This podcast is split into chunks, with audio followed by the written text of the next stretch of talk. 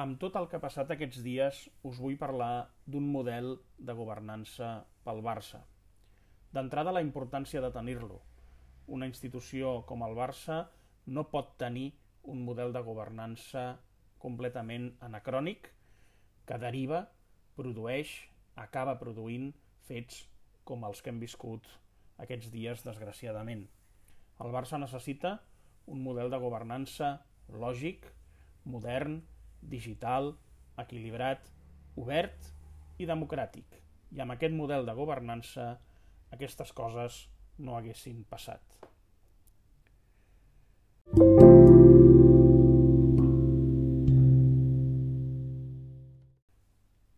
Comencem per una radiografia de l'actual model de governança, necessària per després fer les propostes. D'entrada, tenim una assemblea de compromissaris amb un model completament obsolet. És el mateix model, per exemple, que hi havia a l'època Núñez o Montal. Un model on només s'hi pot accedir per sorteig i completament controlat per la junta directiva, de celebració una vegada a l'any i analògic. És un sistema anacrònic que no pot ser el gran espai de control de la junta directiva per part del soci. No hi ha cap canal participatiu real pel soci, cap canal on tu parlis, t'escoltin, interioritzin la teva proposta i et responguin. Cap correu electrònic ni espai en procés real de resposta. Més enllà de respostes automàtiques o jurídiques, el Barça no respon a aquells correus amb valor, amb contingut, amb propostes i idees que envia el soci una oficina d'atenció al barcelonista que és purament administrativa, per gestions, quan també hauria de servir per atendre el soci per altres temes. Un síndic del soci amb un caràcter molt burocràtic, amb un procés de resposta marcadament judicial, quan és síndic del soci per defensar també totes aquelles propostes, no només protestes del soci. Les úniques consultes que rebem els socis són per votar el millor gol del mes i altres qüestions similars, normalment lligades a esportives i al primer equip, quan els socis hauríem de poder decidir, en el dia a dia del club, totes aquelles qüestions importants que van succeint. Cap participació del soci en les comissions del club. Tots els seus membres són designats per la junta directiva. Cap consulta al llarg de l'any amb una sola excepció, quan es va consultar al seu moment l'espai Barça, consulta que com no s'ha portat a terme segurament ha quedat ja obsoleta. El soci sí que pot participar en les votacions de l'assemblea de compromissaris, però t'ha de tocar per sorteig. I el soci sí que pot votar, és el gran moment democràtic, el gran moment potser únic d'expressió democràtica que permet aquest model de governança, sí que pot votar a les eleccions a la presidència del club.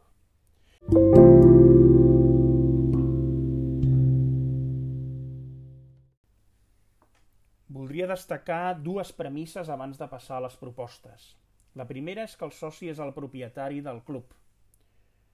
Són pocs els clubs en els quals el soci encara n'és el propietari, a diferència de les societats anònimes esportives, on els propietaris són accionistes, en clubs com el Barça el soci encara és propietari, la qual cosa li, li otorga per suposat el dret de controlar, de fiscalitzar, de rebre informació i de participar en les decisions del club. La segona premissa és que el soci té el coneixement. Basat en principis de gestió del coneixement i d'intel·ligència col·lectiva, el soci, el conjunt de socis, té un coneixement molt necessari pel club entre 140.000 socis que tenim, hi ha experts en tots els terrenys, arquitectes, economistes, mediambientalistes, advocats, de tot tipus, experts de tot tipus, amb un coneixement segur pioner entre 140.000 persones que ens ha d'ajudar a la gestió del club i de projectes concrets. Per exemple, Espai Barça. L'Espai Barça 140.000 socis tenen un coneixement molt important per millorar el projecte. És un deure com a club aprofitar aquest coneixement, treure-li el profit, donar l'oportunitat als socis d'aportar i saber aprofitar-lo, tenir els mecanismes creats per aprofitar-lo.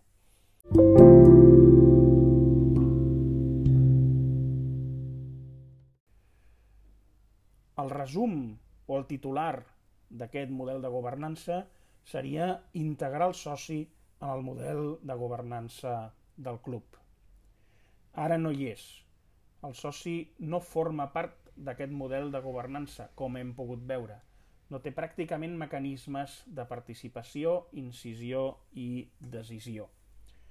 El soci ha de poder formar part d'aquest model de governança. Se l'ha d'integrar.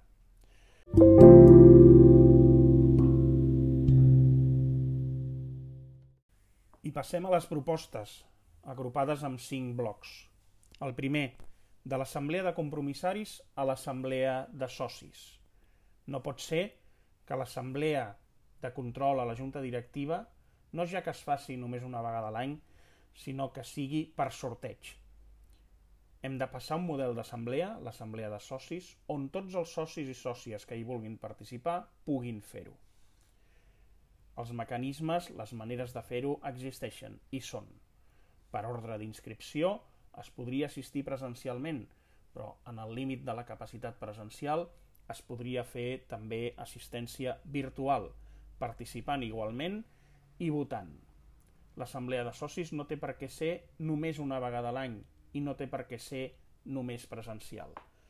Hi ha models d'assemblea virtual o mixta que es poden portar a terme. I finalment, la inclusió de la votació electrònica com a mecanisme de vot de l'Assemblea en totes les seves decisions. En segon terme, el soci ha d'estar representat a les comissions del club. No pot ser que tots els seus membres siguin únicament per designació de la junta directiva. Els socis hi han d'estar presents i escollits democràticament per part de l'Assemblea de Socis. Un 50% dels, dels membres de les comissions del club haurien de ser socis escollits, com hem dit, democràticament per part de l'Assemblea.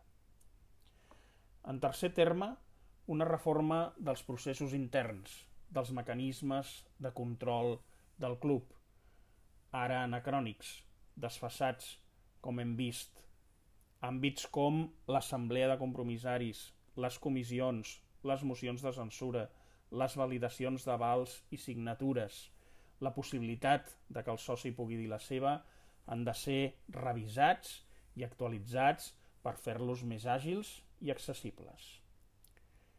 En quart terme, el vot electrònic. La instal·lació, instauració definitiva del vot electrònic no ja només per les votacions de l'Assemblea de Socis, sinó també per fer consultes periòdiques als socis sobre temes importants del club. Consultes que poden ser vinculants o no i que poden ser de diversos temes, tants com es vulgui, per saber en cada moment l'estat d'opinió del soci. Finalment, i en cinquè terme, la transparència i el retiment de comptes, inherent a qualsevol associació, inherent a qualsevol organització. En transparència el més important és creure-hi, no n'hi ha prou amb fer lleis i reglaments, sinó que també és una actitud. S'hi ha de creure.